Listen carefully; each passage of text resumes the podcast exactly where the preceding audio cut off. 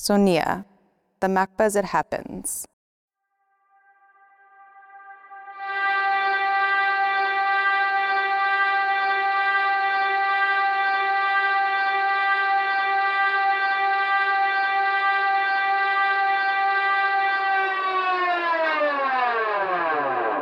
Mitra Azar is a pseudonym an Italian artist took refuge in after being arrested in Iran in 2009 in the middle of an art film project, which became one of the few records of the Iranian grassroots movement and the violent repression by the Ahmadinejad government in the lead up to his re election.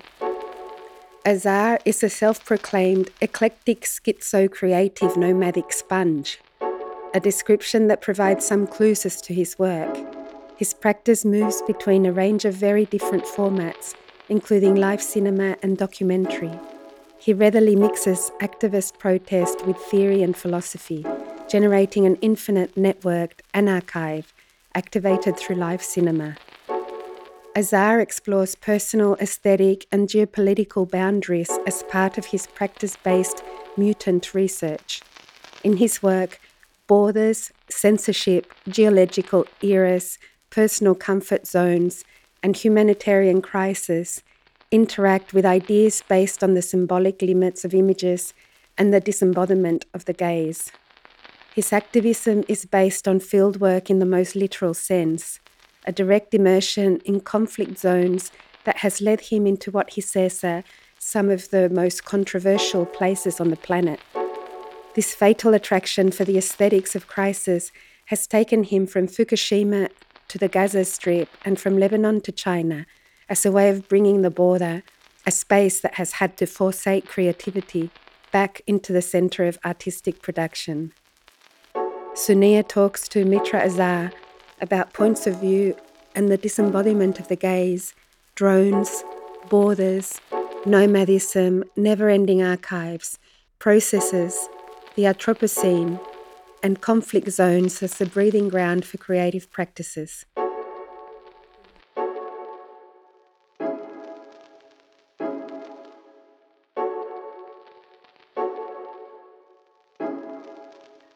The way I like to address myself sometimes is like a sort of eclectic, um, uh, schizocratic video squatter and anthropologist with a background in aesthetic philosophy. So there's few passages on how my philosophical research became an artistic practice. And, and uh, the first step of this um, mutation happened through cinema, through the work of a philosopher called Deleuze that was actually looking at filmmakers and artists as philosophers. And this was something that really struck me at that time because during my study, I was somehow looking for something to close the gap between thoughts and actions. So I was trying to find a device, a dispositive, uh, a methodology that would allow me to, to cross and bridge this gap. At the same time, a dispositive able as well to transform, as Deleuze said, uh, the anecdotes of a life into aphorism of thoughts.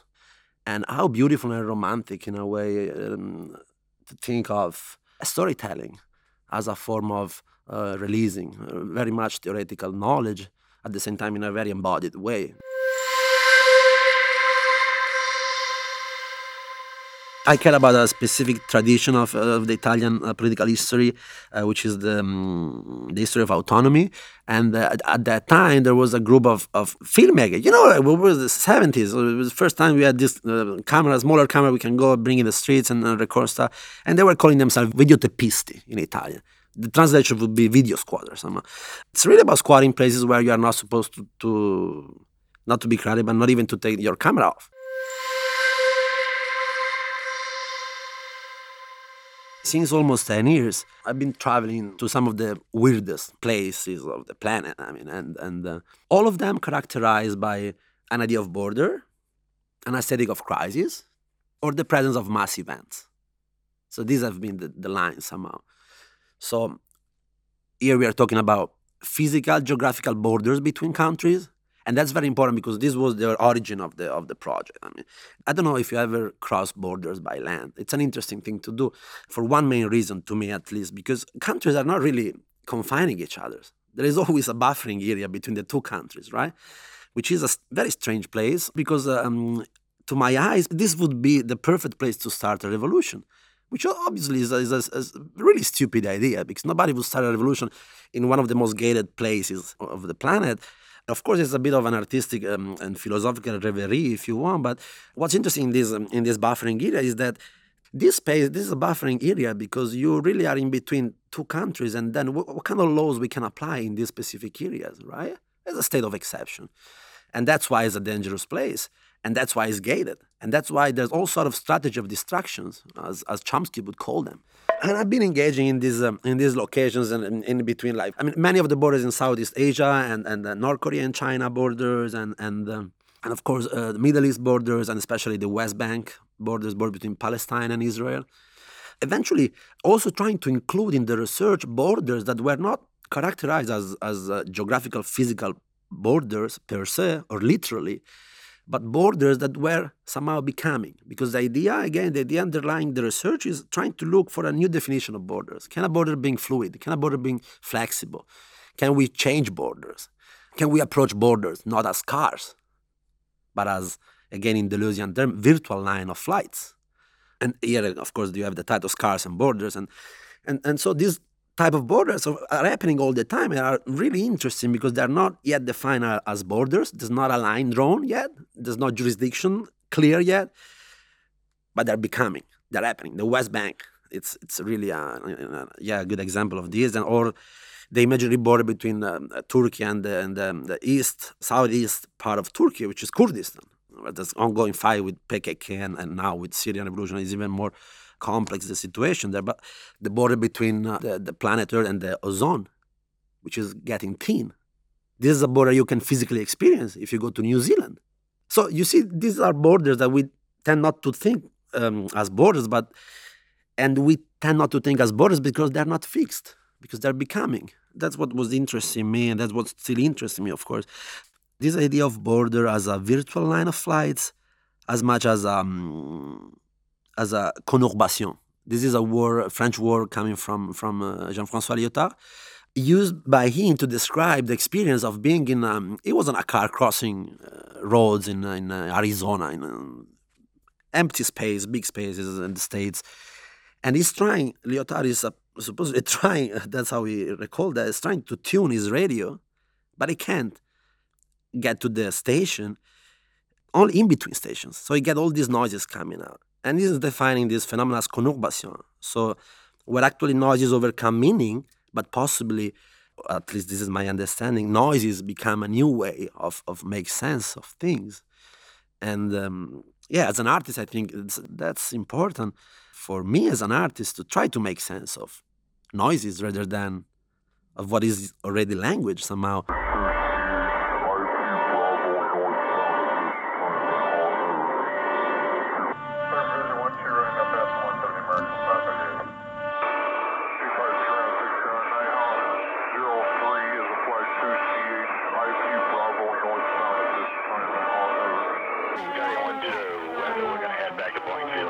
Let's say there, has been a transition between philosophy and cinema, and then there has been my way of approaching cinema as a very much alive practice, which eventually almost never formalized itself into a proper filmic structure. For me, I mean, it's, it's really important to recognize the strand of images resisting the, the will of an artist of making shape and giving them shape. So rather than um, approaching cinema as a, as a way to finalize a project, eventually a movie project, a cinema was for me a tool to explore and to, to practice nomadism and to access and, and, and get knowledge about places and people. The funny thing is that any kind of project I start, it always starts as a film project. So I commit myself to make a, a movie and eventually i'm facing with the reality of images resisting my, my, my attempt of giving them shape while me being more fascinated by, by images resisting rather than me forcing them to be together. And, and, and me being fascinated by finding a correlation between images that were not supposed to be together or images that are coming from different movie projects as i call them right? I mean so mm, this sort of like new interactions between images that were not thought to be together became more interesting for me. The practice of movie making it became not really a practice but more like a life form became more important than anything else. And then the archive sprouting out of this nomadism is, if you want, um, the trace of this practice, which is really invisible. Eventually, of course, these images take different forms, and then what's interesting in that that's that's where the artistic practice come out. There's a sort of like potential within the images that can be disclosed only in a, in a wider space of expression, which eventually I found in, in the artistic practices, where I could organize these materials in, in new ways. I could address them in, in live cinema performances, where actually these interactions are made visible. Cinema, in this uh, framework we are kind of establishing right now, is a performative practice. It's about performance. And the performance is what actually is not really visible in the images, it's what's behind the images, is, is all the work you do to be able to make that precise image. And okay, there's many references. I mean, accessing Fukushima in Japan, accessing, of course, uh, revolutionary places in, in the Middle East, Cairo, Iran, uh, Syria. These are all places where I've been working and engaging with, with images and people. And, and then all this work you do, which is um, sometimes dirty work. I mean, sometimes you, you you can't access a place without without asking permission. You just have to make your way through, and, and because asking permission would slow down the process of making because slowing down the making process would kill the, the, the practice itself because it, the practice itself is based on this very instinctive embodied nomadism which is a sort of like very fluid approach to space and people which allows me to navigate and, and produce images in, in places where most of people are, are not able to, to do that. And then being creative in spaces where creativity is banned where nobody thinks about being creative because there's much more important things to do like saving your ass from from bullets you know like yeah that's the challenge. I mean that's that's i think it's important to to um, revindicate this space as creative space the idea of this uh, performative philosophy again i'm coming from a philosophical background so um i've been used to think about philosophy as as um yeah as an exercise as a language exercise huh? and and then trying to uh, bring philosophy move philosophy from from from language to image is, is, is already a work and how you do that in reality it's all upside down i mean i think. Uh, it's rather the opposite. I mean concepts are not coming from uh, from god. Concepts are not coming from the hyperuranium and the plato idea right? Concepts are laying somewhere there and then they fall down like stars and then you wow then you grab them right? Now it's the opposite. Uh, concept that's sprouting from below Nomadism is at the base of the creative practice, and, and, and the creative practice is based on uh, performative philosophy, which is uh, at the same time grounded on, on this principle of concept mining, so the extraction of concepts, right? Uh, it's very inductive. You know the history of um, Thales and, and the Thracian servant. So Thales is this um, a Greek philosopher. He's walking, eh? he's walking, and he's a philosopher. So he's looking in the sky and thinking, beautiful things probably. But then there is a, a, a, a wall and then it's just falling inside the wall and then there is the, the Thracian servant is coming because he saw everything and is coming um, beside the wall and, and is looking at the philosopher and he's laughing at him and he's saying you are an idiot. You're thinking so much about the stars you don't even know where you put your feet. And look where you at where you at right now you know like 10 meters below the ground. How can you get out? And so because of my philosophical background i really do want to know where i put my feet on even though it seems I I'm doing this in a strange way because I'm always putting myself in the most absurd situation, right? But it's really part of the practice. And and uh, for example, I've, I've been uh, obsessively documenting the physical ground. I call it archaeology because it's very archaeological. I mean, it's very uh, systematic and methodic the way I do that. But at the same time, there is nothing scientific in a way the whole idea of thinking of finishing an art piece to me it's really yeah it's wrong and violent it's dictatorial it's colonial. I mean i'm forced to, to exhibit stuff that i wouldn't myself really consider finished or as, as single pieces. The archive is the piece. And the archive is the piece because of the interconnections that are happening between the, the, the images created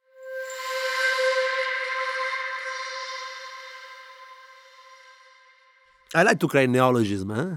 I like neologism. I mean, it's not that I like neologism. It's just that I feel I mean, sometimes words, uh, I think in these days especially, words are missing. There's a lot of missing words to understand the processes that are happening. And in my practice as well, I found the necessity of, of elaborate on new terminology to approach the things that I'm doing. Then you have this um, archaeology, and then you have also anthropology, which is a combination of a visual anthropological approach with a more um, unorthodox um, artistic methodology what's the place for this this archive to be? I mean, right? I mean, because how can you make it visible? And that's what I'm struggling myself with, right? And, uh, without compromising what I all the things that I'm trying to to tell you right now. Um, and one of the hypotheses is what is the audience for this work? And um, again, it's very problematic. Museums are not really. I mean, who's, who's going nowadays to museums? I mean. Uh, um, I mean, New York, New York to access museums, you spend twenty dollars, thirty dollars. I mean, uh, who has this money these days, especially? Yeah?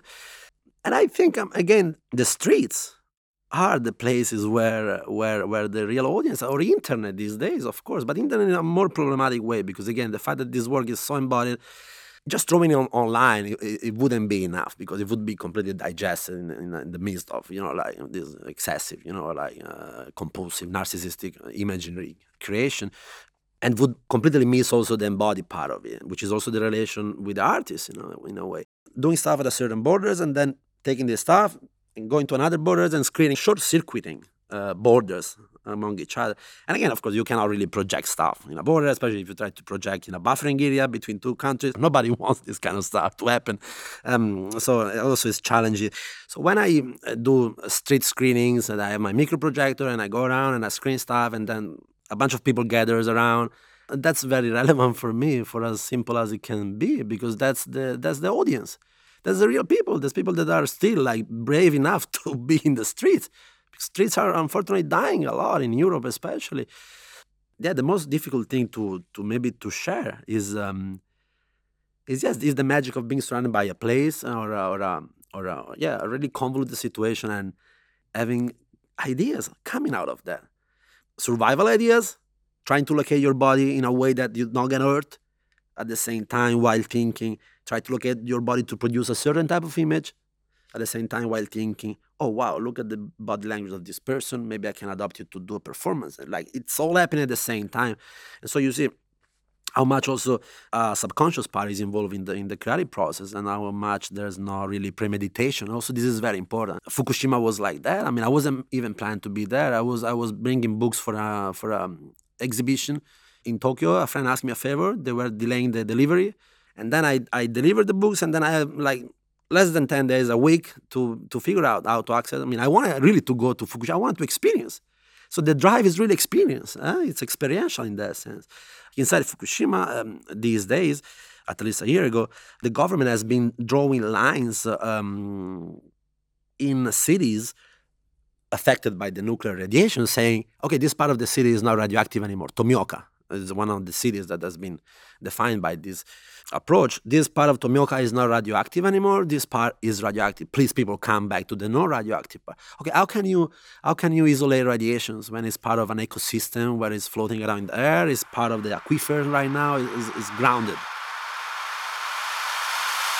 So the, the output is an archive, and the archive is is a strange archive because it's an open archive. So archive, you refer to archives uh, traditionally speaking as a as a place where you can find things or as a place where things are organized according to certain criteria. And definitely my archive is organized according to certain criteria. But what I'm trying to do is instead of reducing the criteria, is opening up, exploding the criteria. So instead of having less criteria to make the search easier, I'm trying to do the opposite. I'm trying to find more connection between images. I'm trying to find more criteria to connect images I'm not even trying myself. I mean, it's just happening when I'm scrolling and going myself through the archive. I'm seeing things that I wouldn't, things that I shot that are far away in like 10 years in my like like filmmaking artistic careers. And then I, and I find resonances. The way I position my body in the space, what I'm shooting at, what I'm looking, the way I'm looking at, the way I'm approaching people, it seems really part of the same. And these are things that you wouldn't be able to see without keeping the possibilities of the archive as open as I'm trying to do, and indeed refusing, uh, systematizing, and finalizing pieces unless when I'm forced to do that, of course. I mean, and that's why the live cinema performance is, is one of my favorite forms because that's where I can, that's where some of the backstage elements of this practice emerge live for people to, to experience them as well. And that's very important. I mean, how can you produce an experience for people about these, uh, this uh, very much embodied work that I do? I mean, is it possible? Are these images producing a sort of like delayed experience for the for the viewers for the audiences or not and and how can you bring the audience inside the, the piece somehow right that's the place where i can play live with images this is the place where i can use fields recording sounds which are also part of the archive so there's also like an audio component which is very important is recorded as as um, intensely and as precisely as the video part. And there is the storytelling part. So these elements are, are produced live for an audience. And uh, yeah, it seems to me like a format where I can sort of like really evoke the experience in a in a more concrete way for the audience. Grok, according to Heinlein, means to understand so truly that the observer becomes a part of the observed, to merge, blend, intermarry, lose identity in group experience. And well, he's saying it means uh, it means almost everything that we mean by religion philosophy, and I would say also by art. And in this sense, as an artist, it's not really about creating anything. It's just about reacting to me, reacting to uh, certain situations and, and trying to provide reperceptions, Being a sort of like reperceptor or uh, um, being somebody able to produce reperceptions of a certain situation, reperceptions able to shed lights over over elements of a given situation that otherwise would would be uh, yeah um, would stay in the shadow would not be visible. An idea of art is as somebody which is not really fully in control of of even what he's doing but is rather just reacting to the situation he's plunging himself at so the, the the awareness of the artist in this case is rather in in the choices of where to locate yourself, where to locate your physical body in a certain situation. Philosophically speaking, all this kind of uh, artistic work is based on on, on a, few um, seemingly abstract notions, like the notions of excess. I do believe there is an aesthetic excess in the in the in the in the world we inhabit. And this excess is really the, the, the original source of art, of artistic uh, research. And um, it's also the, the places where conflicts uh, arise and come from. So you see the connection between conflict and dissensus as the place where an artistic practice can can rise up. It's what what, what interests me.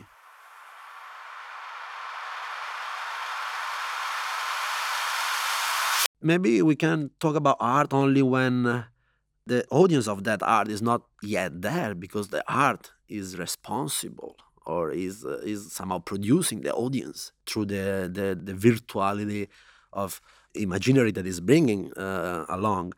So le, le peuple manque. Uh, the people are missing somehow for for uh, for what we would properly refer as as, a, as an artistic work. About the methodology of my work, performativity, relationality, uh, liminality, processuality, so the idea of unfinished politicality that's obvious.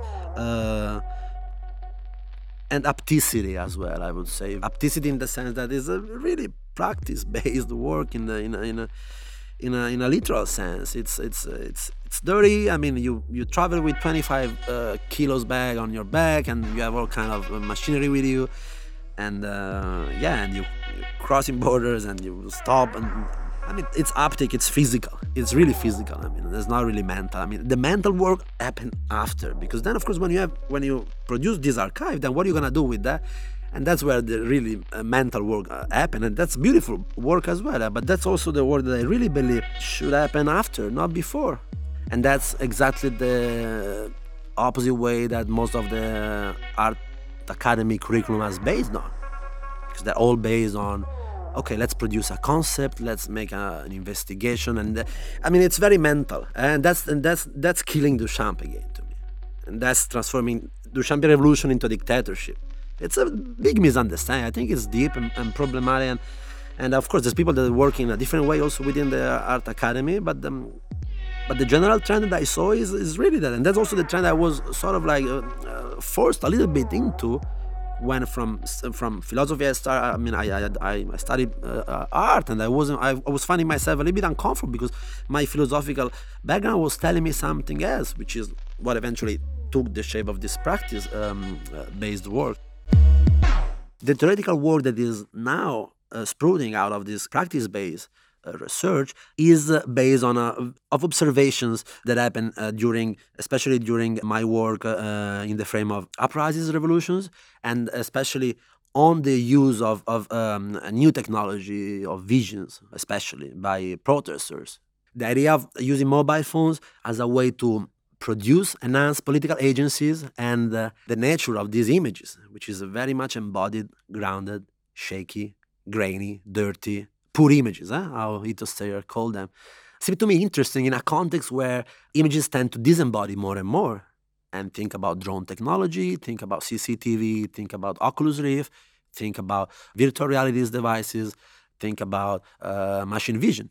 So, starting from this very much embodied observational starting point, I'm, I'm starting to draw a cartography of processes of, I call them gaze disembodiment. So processes where the gaze detached from the body. And my question is what happened politically when this detaching is on the go?